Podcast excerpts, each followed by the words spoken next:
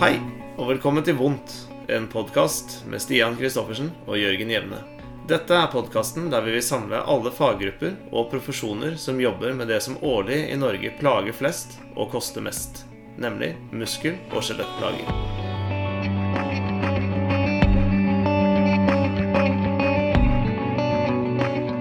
Hei og velkommen til Vondt, en podkast om muskel- og skjelettplager. Dette er episode fire. Jeg er Stian Christoffersen. Og jeg er Jørgen Jevne. Ja, Jørgen, nå har klokken bikket ti på kvelden. Eh, Vi er på en ny innspillingsrunde. Du har jo gått over på kaffe siden sist, siden du skal kjøre hjem igjen til Hønefoss, mens jeg er nå på øl nummer fire. Så for all slurving med språk i den kommende episoden, så ber jeg om beklagelse på forhånd. Ja, altså jeg, jeg blir jo nødt til å kjøre den seriøse linjen her, da, siden, eh, siden jeg fikk den utakknemlige oppgaven å komme til deg i dag. og så er det du som får lov å drikke, som jeg kjører Munkholm og kjører hjem i, i de sene kveldstimer. Jeg trodde disse Tesla-bilene hadde sånn selvkjøringsfunksjon nettopp for, for stunder som det her. Du måtte henge meg ut der, ja, på podkasten i beste sendetid. Selvfølgelig. Nå har eh, konene drukket opp vinen og gått og lagt seg, så vi har hele gutterommet i kjelleren for oss selv. Ryddet oss plass mellom eh, tørkede klær på klesstativene og satt oss godt til rette for å gi dere en, en ny episode av Vondt. Og i dag så skal vi snakke om et tema som står ditt hjerte nært, Jørgen. Vi skal snakke om misoppfatninger i befolkningen når det kommer til bruk av MR, funn på MR, og hva dette fører til. Ja, altså dette, jo, dette er jo egentlig noe som har eh, kommet, eh, kommet nærmere og nærmere hverdagen min. For det er noe, noe vi alle egentlig opplever eh, daglig. Og, og, og former deg jo selvfølgelig etter hvert som du ser pasienter i klinisk praksis. Og det er nettopp disse misoppfatningene, eller eh, det jeg kaller etablerte sannheter i befolkningen. da. Og det er jo, det er jo både eh, halvsannheter, myter og osv., men i stor grad små eh, nyanser, men også, men også etablerte sannheter som nå, med nyere kunnskap, kanskje er, kan vise seg å være helt direkte feil. Eh, og det som er interessant med det, er jo at eh, mange av disse misoppfatningene som er blitt etablerte sannheter i befolkningen, de er jo kommet fra et sted. Ja, og de har jo definitivt kommet fra våre profesjoner i, i fellesskap. Eh, hvis vi går litt mer konkret til verks her, så, så kan vi jo spørre om noen, eh, noen eksempler på misoppfatninger, da. Ja, jeg vil jo Jeg, jeg syns jo den, den klassikeren eh, som Jeg tror det er 2017-stoff. En som het Weber, som publiserte dette med at eh, en pasient med akutt korsryggsmerte Hvis den får tilgang på tidlig MR, så har den pasienten faktisk dårligere utfall enn en pasient som ikke får tilbudt MR. Og det er jo Kanskje for de som sitter og lytter på podkasten, helt naturlig. Kanskje, vi, kanskje dette er en etablert sannhet i vår bransje allerede. At dette med tidlig MR ikke er noe vi, noe vi skal gjøre. Men, men for befolkningen så er jo det snarere tvert imot. Mange som antar, eller som har en følelse av at det å få en tidlig MR, det vil absolutt gjøre at du får en strukturell forklaring. Du kan forholde deg deretter. Eh, Og passer jo inn i denne sjargongen som mange har med eh, spesifikk diagnose, spesifikk behandling osv. Så, videre. så det med å få en tidlig MR gir veldig mening for mange pasienter. Og, og er eh, absolutt en av de, de etablerte sannhetene eller etablerte misoppfatningene som, som danner grunnlaget for dagens podkast. Ja, man kan jo Man kan vel egentlig ikke klandre pasientene for det heller. Jeg må jo ærlig talt si, etter å ha sett min dose med både rygg, og nakkeprolapspasienter, at hvis jeg hadde hatt så vondt, så tror jeg jeg hadde hatt veldig lyst på en MR-diagnose selv. Eller i hvert fall en MR-beskrivelse. Jeg syns du sier det veldig veldig bra der, Stian. Jeg syns absolutt vi skal være ydmyke. Eh, Den godeste herr Meekins, Adam Meekins, som våre podkastlyttere antageligvis kjenner til, en, eh, en veldig kompetent, kompetent og kunnskapsrik fysioterapeut fra England, skriver jo mye kontroversielt og med en hard penn. Men jeg syns jo vi alle bør lytte til han i hvert fall og høre hva han har å si. Han skrev jo en, en egen case report for noen år siden når han hadde vondt i ryggen. Det første han gjorde, var jo å løpe til det private MR-instituttet og få en MR. Definitivt. Og det, det, det, tror jeg, det tror jeg nok nesten jeg hadde, hadde gjort selv også. Eh, nærmest mot, mot bedre viten. Og, og det er jo interessant der å trekke fram hva, hva er det som gjør at prognosen blir dårligere for en, eh, for en korsryggspasient dersom han eller hun får en MR innen de første seks ukene?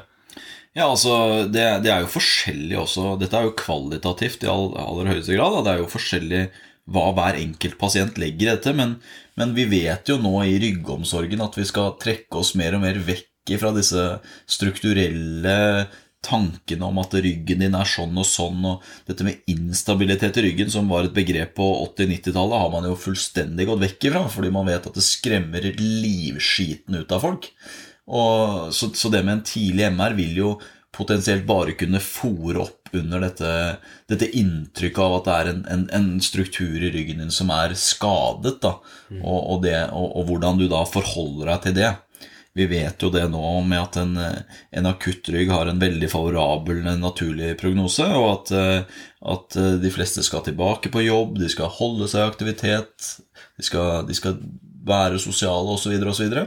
Mens vi ser at en, en tidlig MR med en strukturell diagnose kan gjøre at flere av disse faktorene At du, at du frarøver deg sosiale settinger, du holder deg hjemme i sykemelding osv., så, videre, og så, videre, så du kanskje fòrer en, en, negativ sykdomsspiral kontra det å, å sette i gang en positiv spiral. Og her er det viktig å trekke inn det også at eh, MR-en i seg selv er jo bare en, en bildebeskrivelse med, som, som, beskriver de funnene som er. Eh, og sånn sett så kan man vel også si at dersom vi tolker, altså hjelper pasienten å forstå betydningen av de funnene i, i MR-beskrivelsen, så klarer vi vel på sett og vis kanskje å nullstille den iatrogene effekten som, som en eh, MR-beskrivelse kan ha. Ja, vi kan jo begynne der, Stian. Du sier iatrogene. Kanskje vi skal eh, få Vi har jo fått eh, klask på lanken for denne akademiske sjargongen vi driver og sier, så hva er iatrogene? Nei, En iatrogen effekt av, en, av et MR-bilde vil jeg jo si at dersom Altså som en si en 40-50-åring som har vondt i ryggen, så er sannsynligheten ganske høy for at de har en del funn på det MR-bildet. F.eks. en skivebukning eller en prolaps.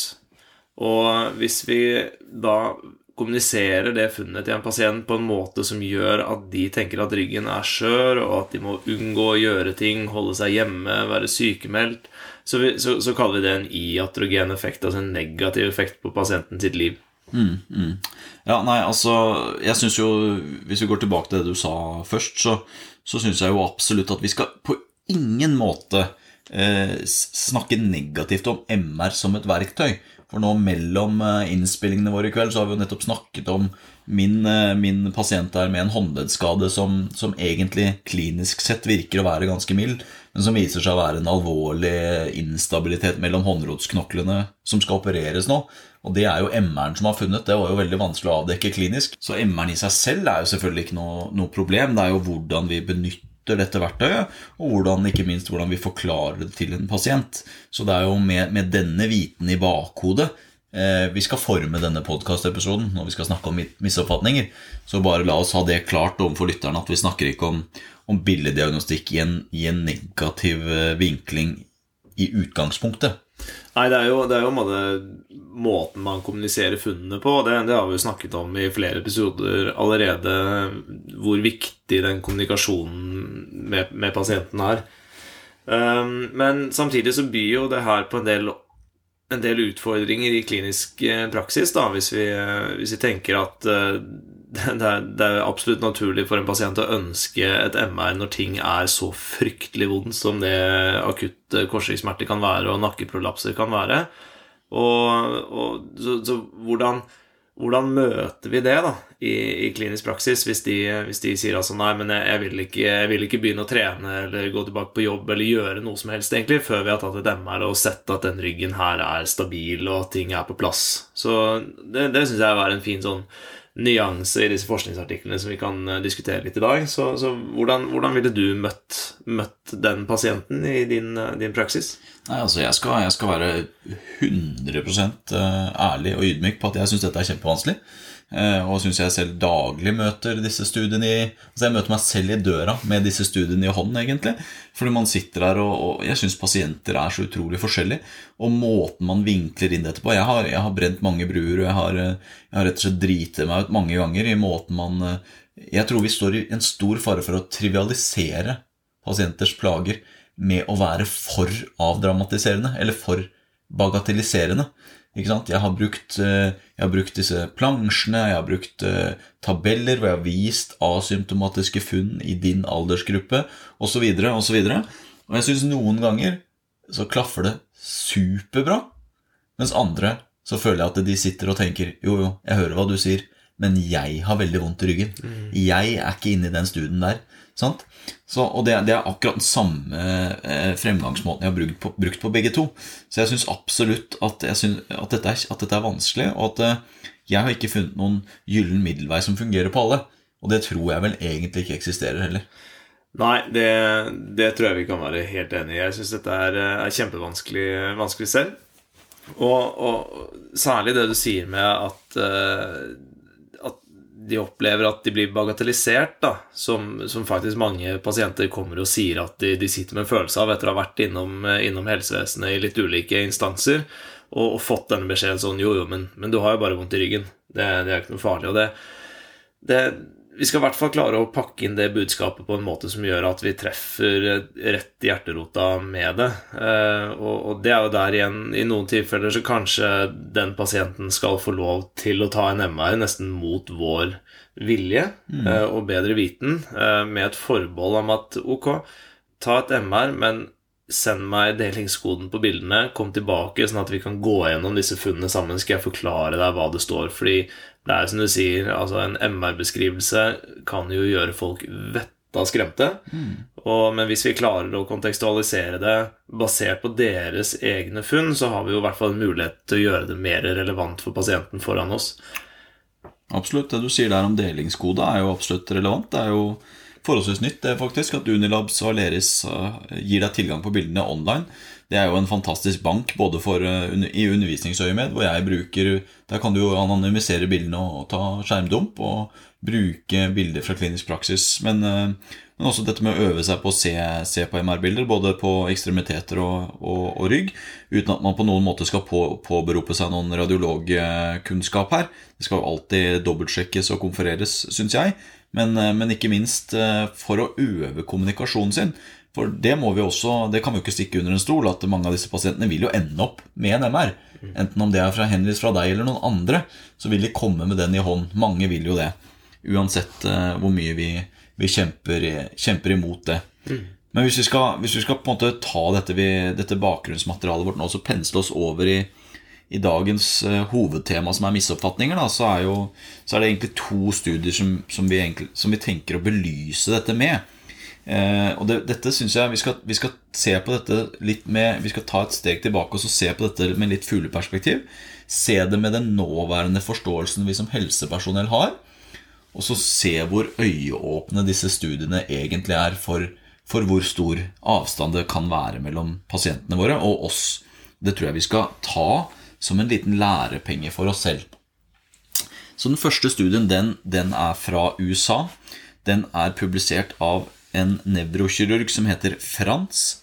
Og artikkelen heter 'Patient Misconceptions Regarding Lumbar Spondylosis Diagnosis and Treatment'. Den ble publisert i Journal of Neurosurgery and Spine i 2015. En relativt, Hvis man går inn i PubMed og ser, så vil den faktisk se at den er relativt lite sitert. Noe som er overraskende, spør du meg, med tanke på hvilke funn som egentlig belyses, eller hva, hva, hva den egentlig fant. Så hvis vi, hvis vi, tar, eh, hvis vi tar, detaljen i den studien, så, så var det 121 pasienter med korsryggsmerter. De var altså da henvist til nevrokirurgisk avdeling for en vurdering av en lumbal operasjon. Altså for en lumbal eh, radikulopati. Eh, så 121 pasienter ble spurt om å fylle ut et spørreskjema vedrørende hvordan de selv forsto ryggsmertene sine. Og to av disse spørsmålene de var om pasienten ville undergå kirurgi. Altså ville, ville, ville, ville bli operert i ryggen din basert på funn på enten røntgen eller MR, selv om du ikke hadde symptomer.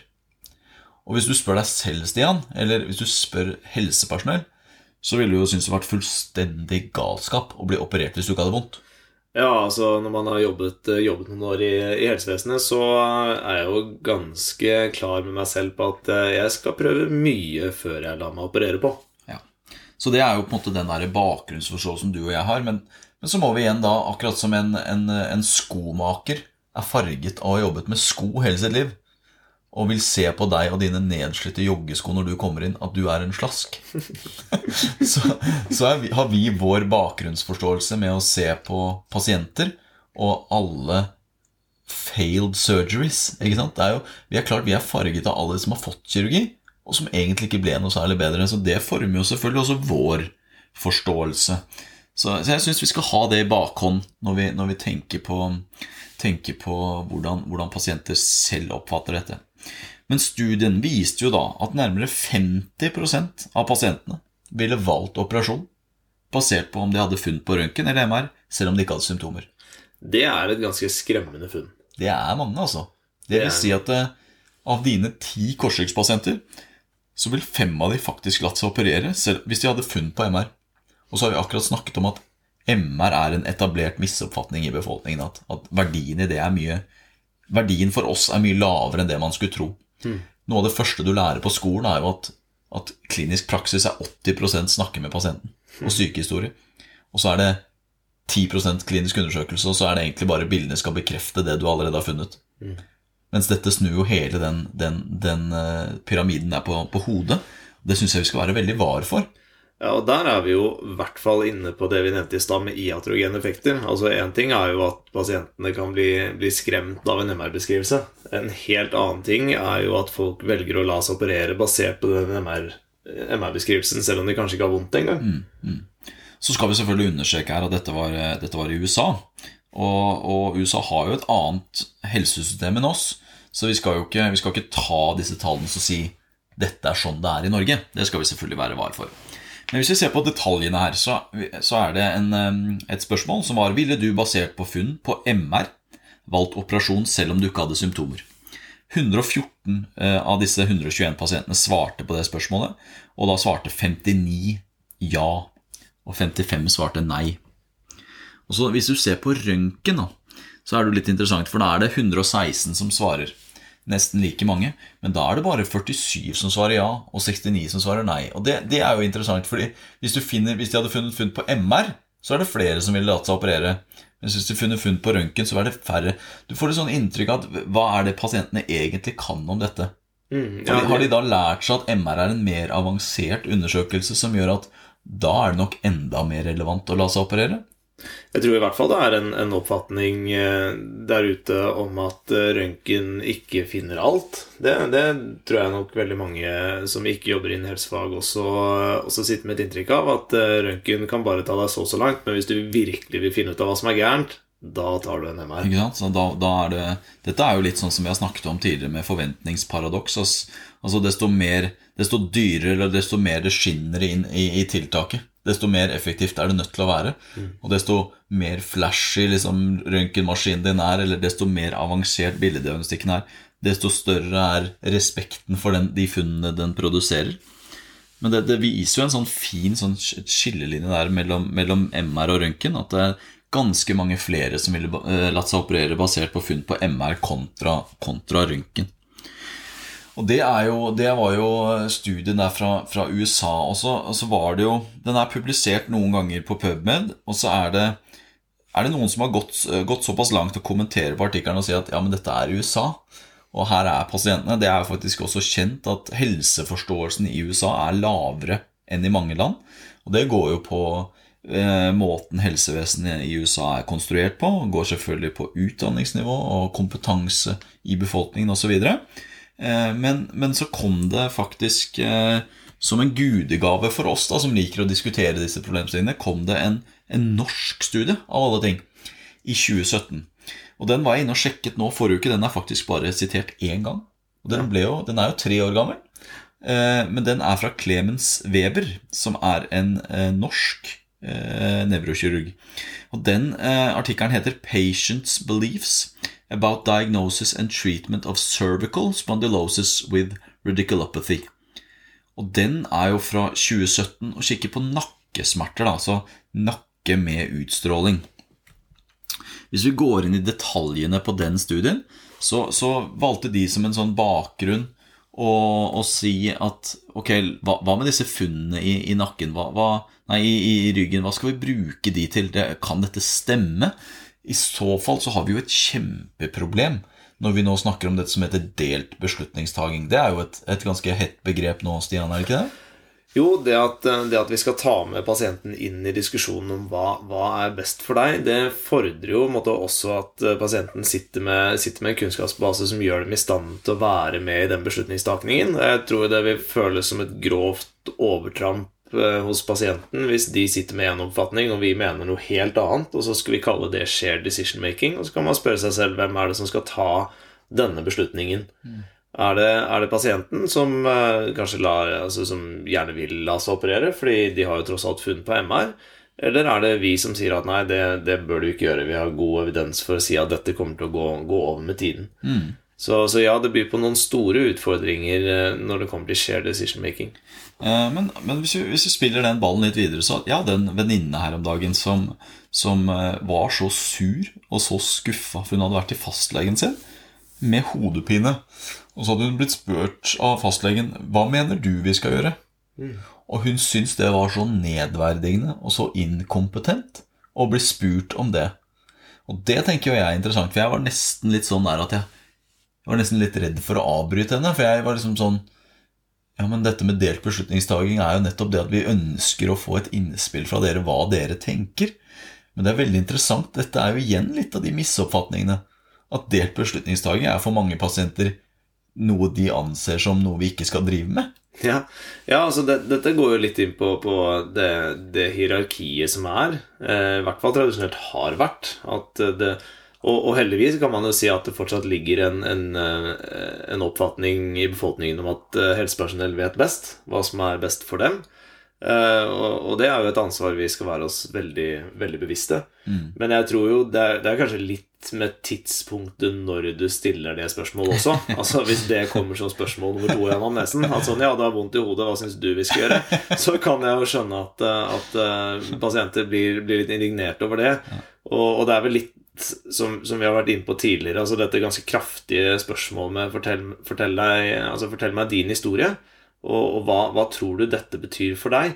Og så, så, kan man kanskje få avdekket en del av de oppfatningene som, som pasienten sitter med vedrørende sin egen situasjon, og så, og så bygge det derifra. Mm. Og kanskje ganske mye lenger ut i den sesjonen komme med det spørsmålet at ok, men nå, nå, har vi på en måte Dette er sånn du ser det, og dette er det jeg har forklart deg.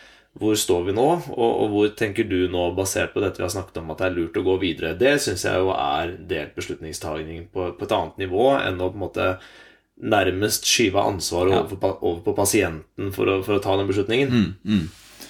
Enig i det. Men eh, hvis vi går tilbake til studiet, da, til eh, Clemens Weber og kompani, så, så var, de, ville da, de ville sjekke dette på nakke, så de tok pasienter som var henvist til poliklinisk avdeling for en nakkesmerte med utstråling. Dette var da altså kirurgiske kandidater, så de, de var på en måte henvist med mistanke om at dette var, dette var, pasienter som ville kunne trenge kirurgi. Da. Før konsultasjonen med nevrokirurgen så fikk de altså da tildelt et spørreskjema. og Det var et veldig enkelt spørreskjema. så Det var eh, kjønn, alder osv. Eh, de mest interessante eh, spørsmålene var jo om de hadde mottatt noen form for, for behandling tidligere. altså Konservativ behandling, enten smertestillende, injeksjoner, fysioterapi osv. osv. Eh, og så ble de spurt hva tror du er viktigst når vi skal gjøre en avgjørelse, eller i avgjøringen, da, eh, beslutningstagingen. Er det, er det resultatene fra MR-en, eller er det sykehistorien og den kliniske undersøkelsen? Og som vi nettopp var innom, så, så vi som, som, jobber i helsevesenet, vi lærer jo at 75-80 av, av den avgjørelsen, eller den, den kliniske resonneringen, bygges rundt pasientens historie. Mm. Og det pasienten forteller oss. Eh, og så er undersøkelsen og bildediagnostikken en slags sånn icing on the cake, men som i stor grad skal gjøres direkte følgende av, av de spørsmålene som vi har stilt pasienten, og den, den viten vi får fra pasienten. Så, så det spørsmålet tenkte jeg synes jeg var veldig interessant, og det hadde de jo ikke med i Eh, så det er jo en, en, en bonus i, i denne artikkelen her, da. Og så hadde de oppfølgingsspørsmålet ville du vært villig til å, å undergå kirurgi eh, basert på funnene på MR, selv om du ikke hadde noen symptomer. Eh, hvis, vi, hvis, vi, ser på hvis vi ser på hvor denne studien fant sted, så er det jo ikke helt riktig at den er norsk alene. For det, det de faktisk gjorde i denne studien, her, det var jo å gjøre, gjøre det både i Tyskland og i USA, nei, og i Norge. Og, og, poenget med det var at de gjorde det i München, som er et større sykehus som opererer mye. Mens, eh, mens populasjonen fra Norge var en mindre, mindre, populasjon, mindre sykehus, hvor man gjør færre operasjoner, og så se om det var forskjeller i de to studiepopulasjonene. Da. Så da vil man egentlig også kunne se på om det er helseforståelsen i et land også kan være med på å påvirke resultatene av det spørreskjemaet? Absolutt, så det, det syns jeg var en kjempebonus. Eh, noe som Frans-studien fikk fikk pepper for, var jo at den var basert i USA. Det er jo ikke, det er jo ikke pepper. altså Man kan jo ikke gi man kan ikke gi det pepper for å ha gjort en studie i sitt eget land, men man har fått pepper for at den ikke nødvendigvis går an å ekstrapolere til, til en annen befolkning. Mens her nå får vi jo en, en tysklandsbefolkning med hva er det for noe 80-90-100 millioner innbyggere eller noe sånt i, i, i, Tyskland. Og så våre 5 millioner i Norge. da Se om det er i hvert fall vesentlig forskjell på to velstående europeiske land. da 211 pasienter svarte på den undersøkelsen. 102 i Tyskland og 109 i Norge. Så det er relativt likt. Eh, to tredjedeler av pasientene totalt mener jo at MR er viktigere enn sykehistorie og klinisk undersøkelse. Og totalt sett i populasjonen så vil også 50% av pasientene latt seg operere her. Så det bekrefter jo egentlig funnene til, til Weber også. At ja, til Frans, ja. ja, til Frans, ja, ja. At, eh, at halvparten av pasientene ville latt seg operere på basert på MR-funn, selv om de ikke har symptomer. Så det, det studien i all, all, hovedsak gjør, er jo i hvert fall, hvert fall følge tallene som vi fant i USA. Så vi, vi kan i hvert fall ikke bruke argumentet med at vi snakker om en, en, en, en dysfunksjonell eh, populasjon som er blitt intervjuet i USA, og, så, og, og si at dette er fullstendig likegyldige tall. Nei, vi kan jo i hvert fall si at eh, helseforståelsen vedrørende akkurat rygg og nakke mm. ser jo ut til å være relativt lik i USA, Tyskland og Norge. Mm. Og Hvis vi da går tilbake til eh, det vi snakket om siste episode, i spesifisitetsproblemet med Cuff og Littlewood sin kvalitative forskning på skulder, så er, det jo, er det jo litt de samme elementene som går igjen. ikke sant? Denne, denne lange avstanden som, som, vi faktisk nå begynner å innse er mellom mellom oss og, og, og pasientene. Og jeg må, jo, jeg må, i hvert fall innrømme sånn daglig at man sitter og kjenner på den avstanden, og så sitter man og reflekterer over hvem er det som egentlig har skapt den avstanden. Mm. Det er jo ikke pasientene selv. Pasientene kommer ikke inn en dag eh, på soverommet og tenker for seg selv hm, jeg har jaggu meg vingeskaper, da. Nei, det er jo definitivt noen som har fortalt dem det, og, og denne helseforståelsen kommer jo fra et sted. Og det er jo mange, mange år nå med et, eh, med et eh, biomedisinsk, strukturalistisk syn på kropp og helse og korrelasjonen mellom det og, og smerte, som nå måtte ha skiftet totalt retning. Og det å forvente at Altså, herregud, vi henger jo nesten ikke med som, som profesjoner engang. Så det å forvente at pasienter skal henge med på den reisen i nærheten av det samme tempoet, er jo kanskje for mye å forvente. Og det, der er jo konklusjonen til, til, Weber også at vi er nødt til å bli bedre til å kommunisere. Ikke bare én-til-én med pasienter. altså Dette blir min, min tanke, da, basert på det. Det er ikke bare å kommunisere dette til pasienter, men definitivt kommunisere helseforståelsen ut i det offentlige rom på en mye, mye bedre måte.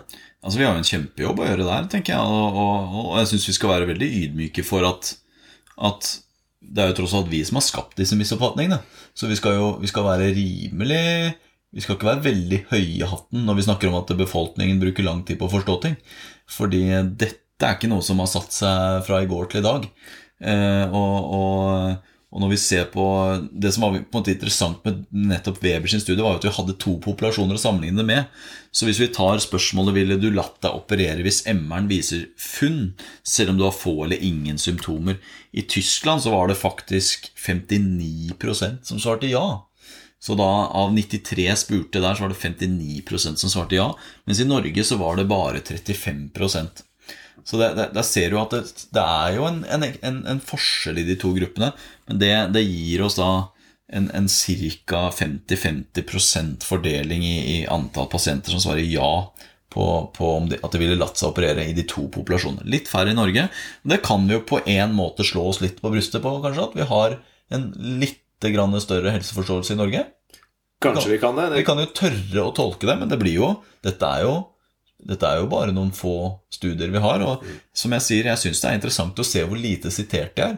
For jeg syns jo dette er kjempeviktig materiale å få fram. det legger jo i hvert fall, eh, legger i hvert fall grunnlaget for, for en del av de utfordringene vi står overfor når vi møter disse pasientene i, i klinisk praksis. Eh, og, og, og ja, hvor stor jobb vi har egentlig med å klare ikke bare å forklare funn, og, men, men også måte å, å avkrefte en del oppfatninger slash misoppfatninger på en veldig respektabel måte. da. Uh, For det, det må jeg jo ærlig innrømme at jeg har brent meg på opptil flere ganger i min praktiske hverdag. Selvfølgelig har vi det. eh, man, man rett og slett går så hardt ut på, på disse forklaringsmodellene at uh, du Altså, the more I insist, the more you resist, Ja, rett og ja, det er veldig godt sagt. Og, og, og dette med operasjoner det var jo, det, Når Frans kom i 2015, så var det så, det var så øyeåpne at det var så mange pasienter som ville latt seg operere, at du var helt sånn, du var helt mind-blown.